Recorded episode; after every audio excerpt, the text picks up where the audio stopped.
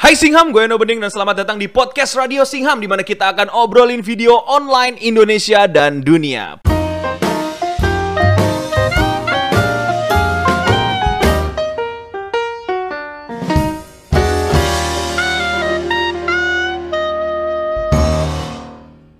Podcast ini enaknya didengar pas pagi-pagi lagi mau berangkat sekolah atau berangkat kerja atau berangkat kuliah atau pas lagi malam-malam insomnia nggak bisa tidur. Yang dengerin ini dijamin makin nggak bisa tidur. Yang lagi sarapan dijamin jadi nggak mau sarapan. Yang pasti bakal nemenin lo semua tanpa harus liatin videonya. Lo tinggal pasang headset ya, setting ke 144 ya. Terus silakan lanjutkan aktivitasmu. Oke? Ini eksklusif di YouTube. Soon akan gue upload di platform lainnya, mungkin di SoundCloud, di Spotify dan lain-lain lain tapi eksklusif akan tayang pertama di YouTube gue di Eno Bening.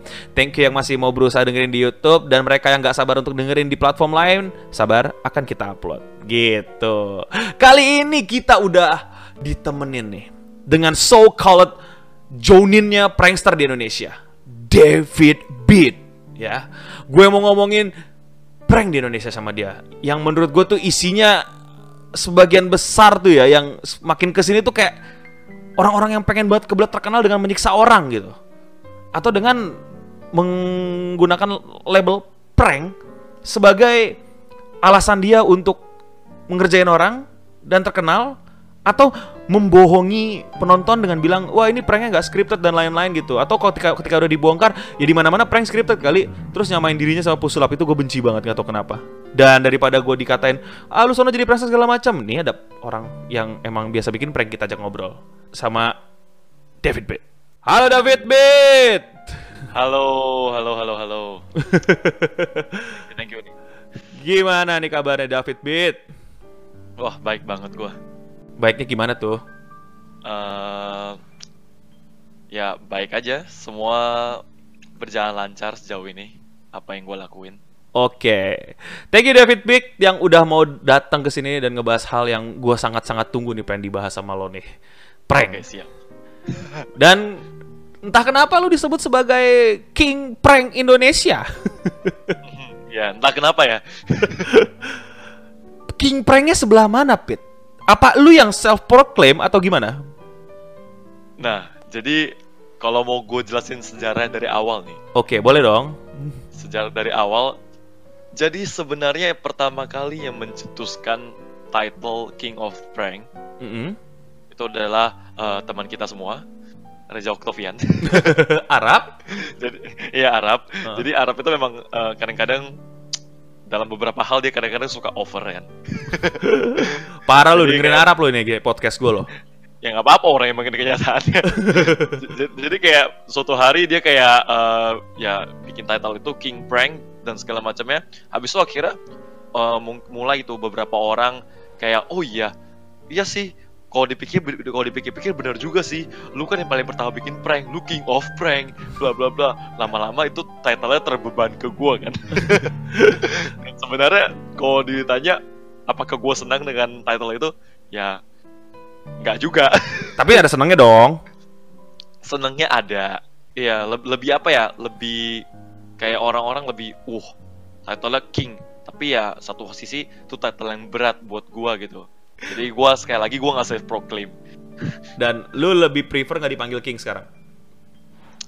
Uh, sebenarnya dari awal sih gue nggak pernah gue nggak pernah suka dipanggil King sih. Lebih suka dipanggil apa? Slave. Jadi slave of prank. Slave of prank itu budak prank. enggak enggak. Kalau bisa ya maksud gue kayak ya udah David Beat ya David Beat aja gitu. Tapi nggak menutup apa nggak menutup fin fakta bahwa lu memang orang yang entah pertama atau menurut gue yang pertama yang naik ke permukaan. Ya ya nggak sih? Maksudnya yang nggak bisa kita pungkiri lu emang bener-bener yang pertama kali mempopulerkan lah prank sampai segitunya di Indonesia dan sekarang udah makin banyak banget biji-biji prank di YouTube Indonesia. Menurut lu Pit gimana nih perkembangan prankster di Indonesia nih? Menurutku perkembangan prankster di Indonesia keren sih. Keren nih yakin? Ya, ya maksudnya kerennya adalah cepat cepat banget berkembangnya nggak awal gue mulai sebenarnya awal gue mulai bisa dibilang itu kan kalau nggak salah dua tahun lalu yes. gue mulai itu sekitar Desember uh, bukan Desember uh, 2016 gue lupa bulannya di bulan berapa mm -hmm. bisa cek di YouTube gua kan. Tapi gue yakin banget 2016 dan itu pertama kali gue mulai. Pas gue mulai aja, setahun pertama gue menjalani prank itu belum ada yang ngikutin sama sekali. Beneran tuh, udah lu cek tuh.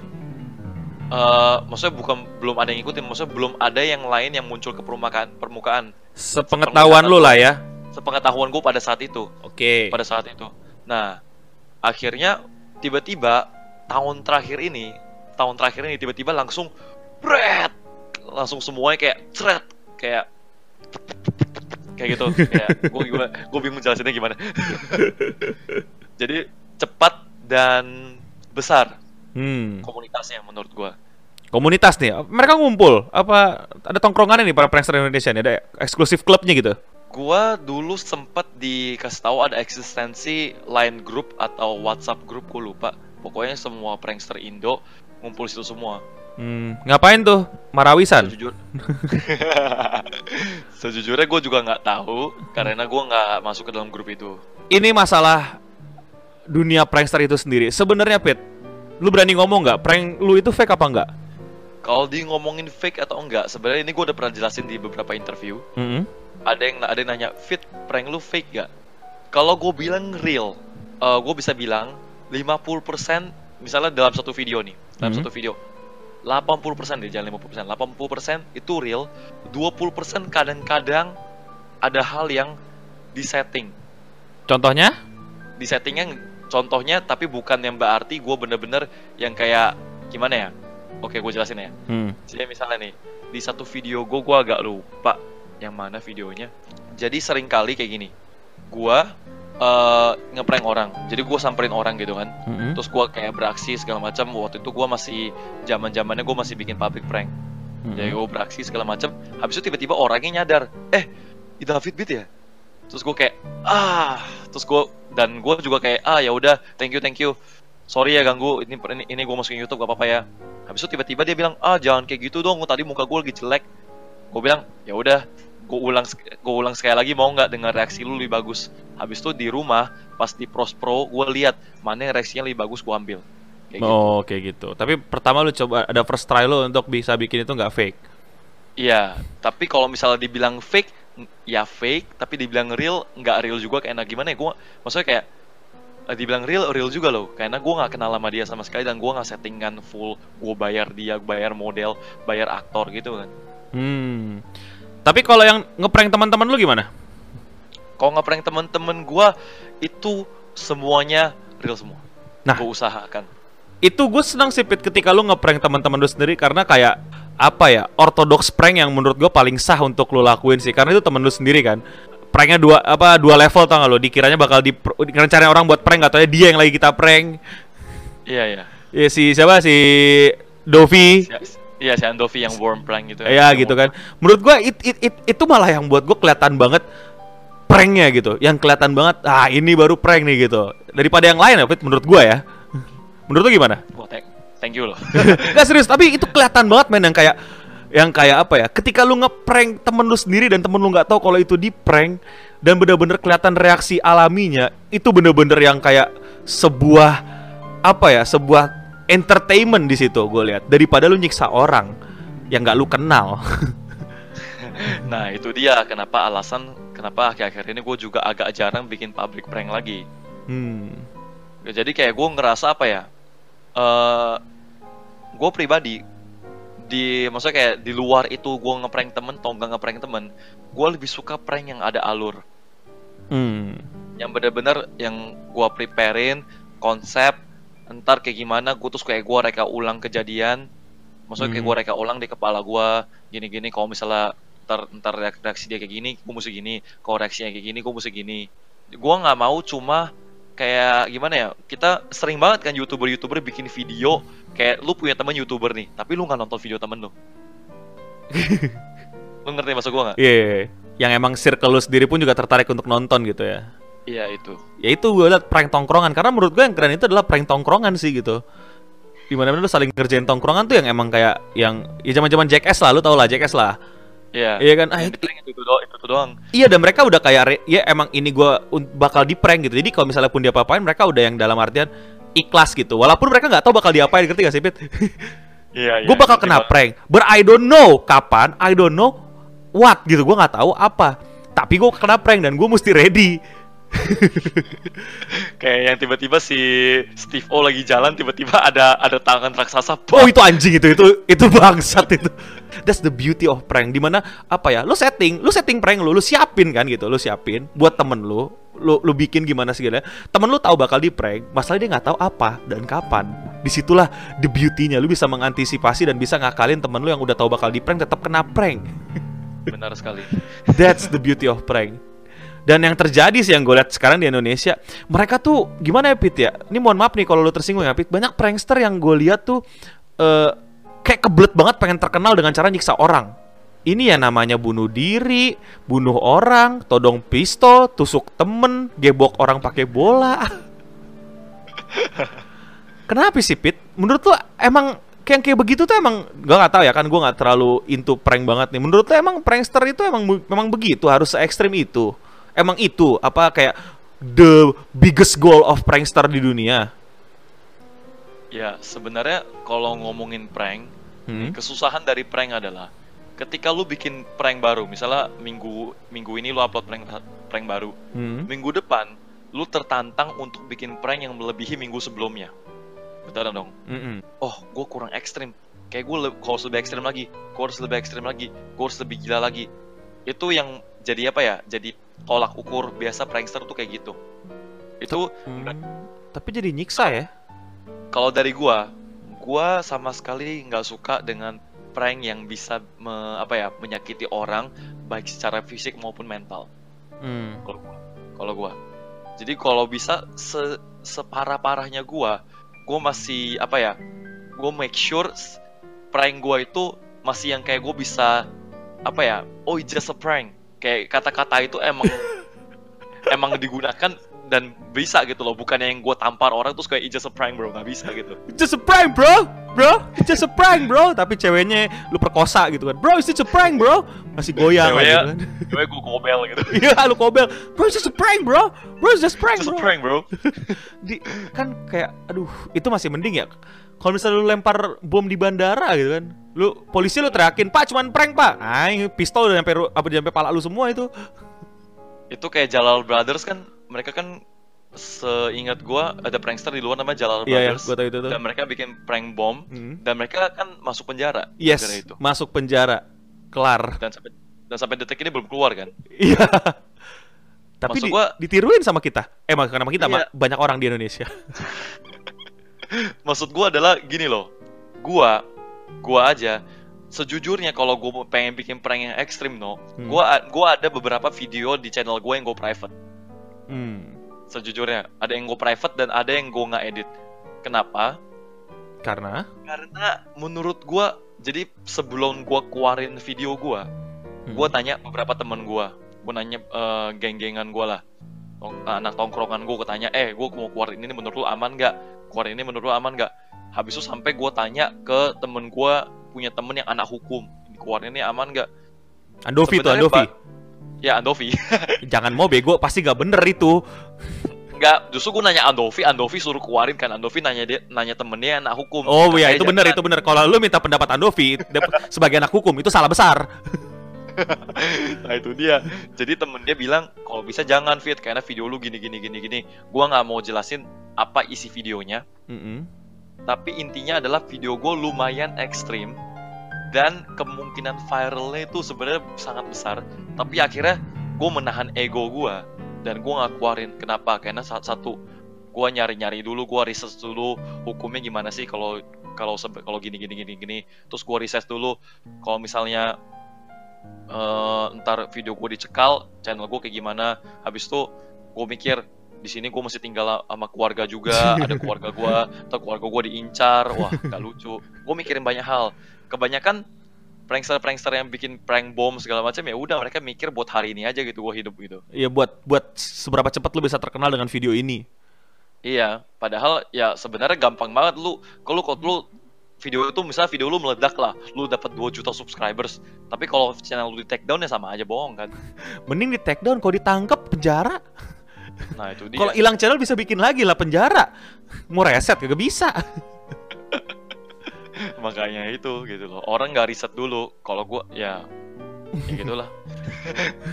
Yang gue lihat mereka tuh kayak bener-bener kebelet terkenal gitu. Dan memang terbukti sih apa yang mereka lakukan tuh gain something. Mereka dapat attention.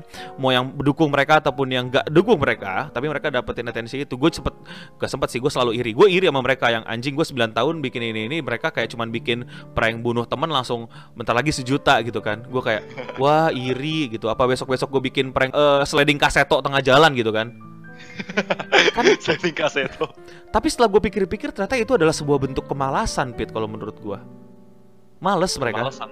mereka nggak mau nggak mau nggak mau nggak mau kerja banyak mereka nggak mau capek. Dalam artian bikin prank bukan masalah kehidupan ya. Kayak kema- yang gue suka dari dulu tuh yang paling banget suka ketika lu ngerjain Andovi itu kan itu lu setting bukan settingannya gue settingannya bukan fake ini ya membu- menyiapkan pranknya itu kan lu nggak yang tiba-tiba ngomong sama ini satu orang doang kan gitu loh Iya, Gak iya. tiba-tiba Gua cuman yang- siapin waktu atau cari waktu atau cari momen orang-orang ini kumpul, kameramennya ready segala macem, lightingnya abis syuting pas apa enggak, kegelapan apa enggak, audio gimana gitu. Iya gak sih gitu loh. Lu mikirin kan? Iya. Gue mikirin momennya yang pas gini segala macam gitu. Kapan mesti stop, kapan mesti start gitu kan? Hmm. Gimana actingnya? Tapi mereka kayaknya kok males banget gitu. Ya udahlah kita bawa bom aja langsung ke kantor polisi. Ya udahlah kita eh, begal orang aja, begal Gojek kita telepon terus kita todong taruh kamera di kolong meja kayak di mana kayak undang aja apa kaseto gitu kan nanti tengah jalan kita kita takol palanya di jalan gitu. Males kan gitu loh kayak yang penting udah yang penting itunya gitu loh. Di balik itu mereka sebenarnya kalau menurut gue ya cuman males. Sebenarnya no, Hmm. gua ada eh, kontekan sama salah satu dari prankster yang melakukan itu. Terus terus terus terus. Itu kan gua ada menyindir beberapa prankster yang melakukan prank bom, prank petasan segala Iya. macam, prank yang pokoknya gitu gitulah. Ah, habis itu akhirnya intinya gua eh, ngobrol sama dia. Gua, gua juga bilang sorry bro, gua eh, masukin video lu di video gua dan sejujurnya gua ngomong gua ngomong jujur ke dia, gua bilang gua nggak suka video lu. Gua bilang video lu yang lain yang aman-aman nggak ada masalah, yang light prank nggak ada masalah, tapi video lu yang bom gua nggak suka. Gua bilang gitu Hmm. heran ya responnya adalah kayak oh iya nggak ada masalah kok kak terus kayak gue bilang ya lu kenapa kayak gini dia bilang ya susah men kalau di sini di sini kalau nggak nggak bikin yang negatif susah naiknya What? kalau dari gua ya kalau dari gua setiap prankster punya jalannya masing-masing sih Selalu pasti itu. Kalau kalau gue kayak dari gue, gue juga nggak mau ngejudge. Emang emang gue juga ngobrol sama dia, dia juga ngakuin emang iya, gue emang sengaja bikin negatif gitu loh. Kalau emang nggak negatif ya susah naiknya. Berarti emang kebelet Gua- terkenal kan? Ya Bahasa kasar gue. ya sebenarnya sebenarnya ya tapi ya baik lagi itu cara dia kan. Yang gue selalu jadi concern gue ketika gue mau ngebahas mereka, ini tuh bukan buat ngejatuhin mereka atau bikin channelnya mampus gitu. Enggak bodo amat gue sama channelnya gitu loh. Tapi gue nggak mau nanti ketika nanti masuk ke headline segala macam ada, ada ada berita tentang prankster gitu. Tulisannya bukan prankster tapi youtuber Indonesia ditangkap polisi karena membawa bom. Iya kan? Jadinya kena ke semua. Iya, mending kalau ditulisnya youtuber. Kan kadang-kadang media juga ada yang asal-asalan nulis Eh, vlogger ini, vlogger mana? Bukan vlogger dia bu, gitu kan? Gitu kan? Eh, Selalu kan. Mending kayak gitu Pit. Kalau misalnya belajar dari David Beat orang ini ngebunuh prank apa prank bunuh bunuh di jalan. Waduh. Kan bisa ya di beberapa videonya dia menyebutkan kalau a- idola dia adalah David Beat sebagai prankster di Indonesia. Mau ngomong apa lu? Gua bisa gila anjir.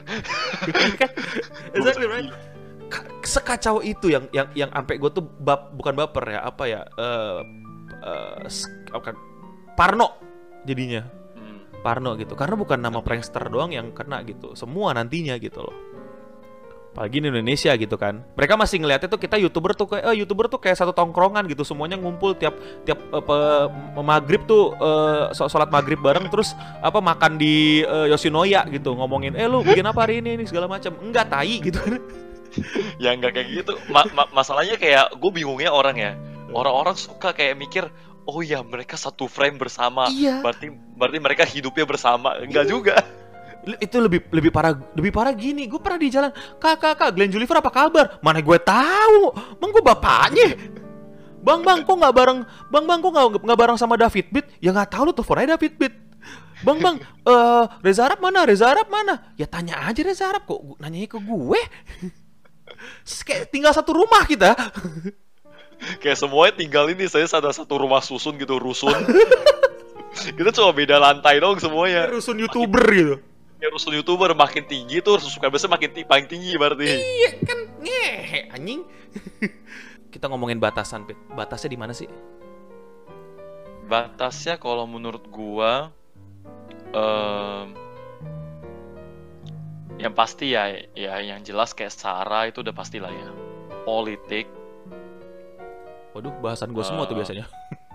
ya suku dan budaya. Ya sebenarnya lu berani banget sih no cuman gue gak ngeprank dengan cara itu. Gue masih konten gue ngomong Iya. ngobrol doang sih. Tapi kalau prank kan emang udah kayak physically hampir fisik fi- physical encounter. Sebenarnya eh, ngeprank di Indonesia ini itu berbeda sama di luar di US budaya kita di ketimuran mereka ke baratan udah pasti Mm-mm. fix gitu kan. Mereka lebih open dan kita enggak gitu kan. Kayak mereka ngomongin seks bebas gak ada masalah ngomongin agama tiap hari ngomongin ras politik setiap hari nggak ada masalah kita sangat bermasalah. Ya kan? Sampai itu kayak Indone- orang Indonesia tuh lumayan apa ya sensitif gitu loh. Bisa dibilang mereka tuh sensiannya tuh tingkat dewa. Dari dari perbedaan jokes aja deh. Jokes di Indonesia mereka itu lebih suka jokes yang slapstick ketimbang sarcasm atau satir. Iya iya iya. Iya, cuma kalau misalnya kayak di US gitu, kayak orang luar kalau disamperin kayak, hey what's up, semua orang kayak bakal kayak, hey yo what's up man, what's good, ya ya what's poppin, semua orang kayak bakal nyantai. Kalau di walaupun sini, stranger ya? Walaupun stranger, Hmm. di sini kalau lu kayak, eh sorry mas, pasti langsung kayak, hah ada apa nih? Mau ngapain dia? semua orang kayak gitu, gak tau kenapa, gue bingung. atau memang Jadi- iya tingkat kriminalitas kita tinggi ya? Mungkin ya, mungkin benar yang lu bilang kriminalitasnya tinggi sehingga kita jadi merasa insecure. kayak iya padahal kayak padahal kayak sorry mas siapa tahu dia nanya jalan gitu kan. Atau siapa tahu dia mau nanya apa gitu kan atau atau ada barang kita yang jatuh atau apa. Tapi kayak hah? Apa? Kenapa? Kayak kayak gitu. Dari tingkat kayak gitunya sebenarnya kita udah bisa taker lah prank itu batasnya semana sih iya menurut gue ya juga harusnya sih. lu udah bisa taker harusnya harusnya lu ngeluarin prank bom gitu loh Atau gini, kalau menurut gua selain tadi kalau saran gua lu prank teman sendiri pertama. Saran gua kedua Pit yang menurut gua ini oke banget adalah lu prank diri sendiri. Gimana maksudnya adalah yang tersiksa lu. oh iya Iya nggak sih?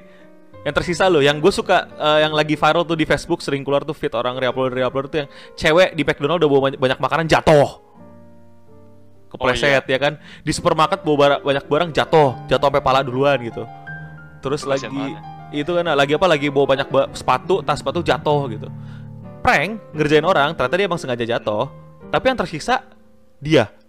dia sendiri n- nobody get hurts gak ada yang ketakutan karena kayak ngelihatnya kayak "Ah, anjing goblok nih orang gitu kan gitu loh bukan yang teriak-teriak bawa pistol atau bawa bom di mall gitu kan atau bukan bukan bukan kita yang nyiksa. Eh, atau yang kayak apa eh, bunuh orang gitu kan bikin orang shock gitu kan. Anjing ada pembunuhan anjing ada teroris anjing ada ada orang bawa beceng kan ngeri gitu. Ini cuman ya kenapa orang goblok jatuh? Gitu kan. That's that's still Iya. entertaining gitu. Why, why you should dan di- dan ditangkap reaksinya. Eh ditangkap reaksinya. Dan yang yang reaksi orang kan kayak kayak just for love lah gitu loh. Yang tersisa lu. Pet itu sebenarnya gue bingung Pet bedanya prank sama sosial eksperimen tuh apa sih orang-orang suka bilangnya satu prank satu bilangnya sosial eksperimen tapi dia di channelnya bilang dia prankster Kalau menurut gua ya, menurut gua prankster itu nih, ini kalau fair-fairan ngomong ya, ya oke gua ngelihat banyak prankster yang kayak oke gue bikin prank lah ngerjain ngerjain orang siksa-siksa orang. Nah, udah siksa-siksa orang nih, kan orang-orang pada nggak suka sama dia nih. Eh. Oke lah, saatnya keluarin sosial eksperimen biar channelku positif dikit. oh jadi tuh prank itu seakan-akan selalu hal yang ngerugiin orang dan sosial eksperimen itu seakan-akan yang ngebikin orang-orang Mengis- positif menginspirasi. gitu menginspirasi gitu tentang Hmm. bullying lah atau rasisme lah gitu kan Iya. tapi sebelumnya eh, Noel pantat cewek gitu Nah itu dia suka gitu makanya ma- itu yang gue lihat ya dari mata gue ya. Jadi kayak negatif negatif negatif negatif bikinlah positif satu biar orang-orang luluh hatinya. Habis itu bikin lagi yang negatif negatif bikin lagi gitu. Itu, itu yang gue lihat ya. anjir oh baru sadar gue nyet Oh iya kalau kalau lu lihat baik, kalau lu perhatiin baik-baik itu yang terjadi. oh gitu ya ujung-ujungnya ya Brengsek. ujung-ujungnya ya brengsek sebenarnya cuman ya kalau lu bilang saling berhubungan ya memang saling berhubungan dalam hal itu Pa- padahal prank kan nggak harus selamanya negatif atau mereka semua yang otaknya terlalu sempit untuk bilang prank itu mesti yang ekstrim dan ngerugiin orang ya. ya habis itu sama satu hal lagi nih Apa tuh? yang gue bingung ini dari Indonesia meskipun kita udah tulis di title-nya ini tuh prank dan sosial eksperimen kadang-kadang mereka nggak bisa bedain Tapi bedanya apa jadi sebenarnya? Apa outputnya doang bedanya kayak satu positif satu negatif atau ada ada ada ada core yang benar-benar bisa bikin itu sesuatu yang berbeda? ambil dari salah satu video gue Hmm? gold digger prank gue yang di- eh, awal-awal Lambo abis itu ceweknya jalan toto ada pickup isinya kambing Iya. kayak mereka salah nangkep kalau lu nge-hate gue karena ada yang di-hate oke lah tapi yang lu hate tuh kayak agak ada yang salah. Nah ini nih. Apa tuh jadi eh, gold digger prank itu judulnya. Mm-mm. jadi da- berarti dalam dari awal gua bikin yang bikin video itu gua udah tahu kalau misalnya ya emang nggak bakal ada cewek yang naik ke atas kambing. Emang nggak mungkin ada cewek yang bakal naik pickup dan duduk sama kambing nggak mungkin ada dan nggak mungkin juga mereka bakal masuk ke pickup gitu loh. Mm-mm. emang emang gue udah tahu gue udah dengan pikiran nggak bakal ada. Jadi gue itu bikin prank itu ya ya udah prank gue nangkap reaksi mereka yang kaget gitu loh. Nah tapi orang-orang pikir gue itu bikin sosial eksperimen nyari cewek matre. Ngerti nggak? Oh. nyari cewek nyari cewek matre ada nggak ya yang mau naik sama kambing? Kalau dia mau naik sama kambing berarti dia nggak matre. Bukan kayak gitu Oh, ngerti nggak Yeah. Soalnya orang-orang komentarnya di Gold Digger prank gua Dasar, bangsat, emang nih laki-laki gak tahu diri Kalau mak lu digituin mau nggak? Mak lu suruh naik sama kambing mau nggak? Ya emang gua udah tahu nggak bakal ada yang mau naik sama kambing Ngerti kan? Iya, ngerti ngerti ngerti. Ini prank bukan sosial eksperimen gitu loh Oh, iya. Jadi kalau lu perbedaannya ya Ya lu bisa tafsirkan sendiri lah dari yang gue jelasin Iya. Jadi kayak ah tujuannya memang buat ngerjain, mungkin satu untuk kayak semacam memberikan awareness tentang ini ini ini. Ya benar sekali Padahal tujuan lo adalah pure entertainment kayak ya bodo amat mau ngomongin masalah matre, mau ngomongin masalah apa eh, ekonomi sosial nggak nggak ada hubungannya. nggak ada hubungannya sebenarnya pure adalah reaksi yang gue tangkep pas dia ngeliat kambing gitu loh kayak "Hah? Jangan kan tuh cewek, malu juga ogah kan? iya mak gue juga shock kali kalau gue liat mak gue digituin orang gue liat gue juga ketawa gitu loh.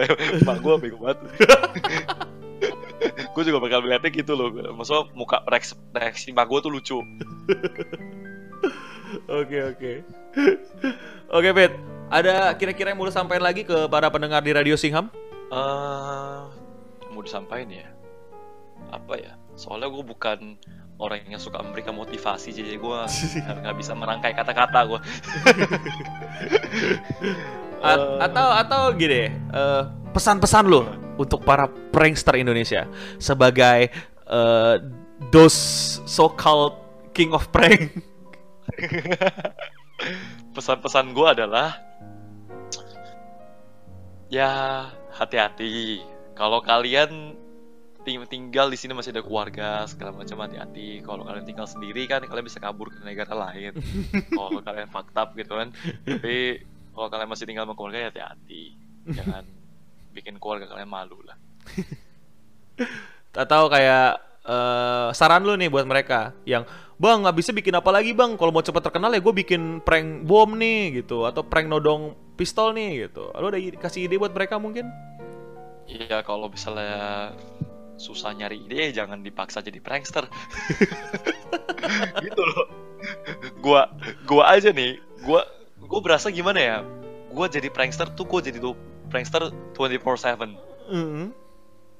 ide begitu gua dapat ide mendadak gua catat. Ada di plan gua catat.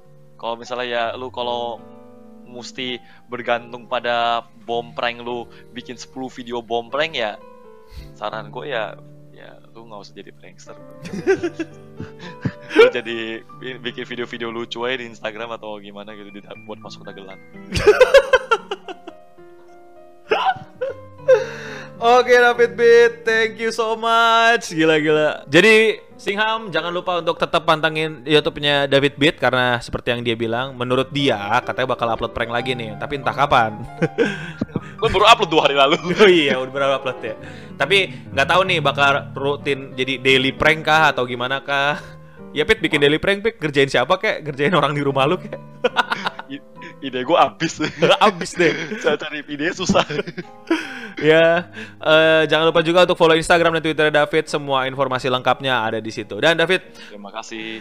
Thank you udah sekali lagi udah datang ke podcast gua dan seperti biasa ini tradisi kita di podcast ketika ada yang datang lu wajib ngasih kata-kata mutiara ke para pendengar. Tapi kata-kata mutiaranya jangan yang serius, melainkan kata-kata mutiara yang terdengar serius tapi ternyata ngehe.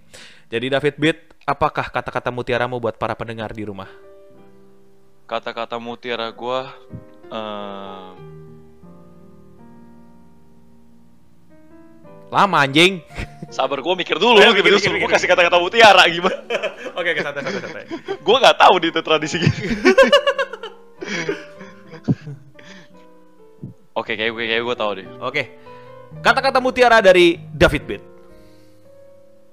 Jadi ketika kita melihat, kita juga harus memandang.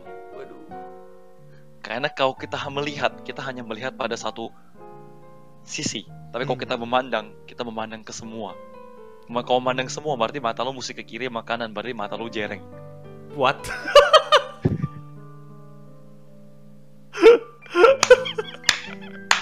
kan mata lu jadi anamorfik gitu, men. kalau lu memandang ke semua, gitu gimana caranya? Oke.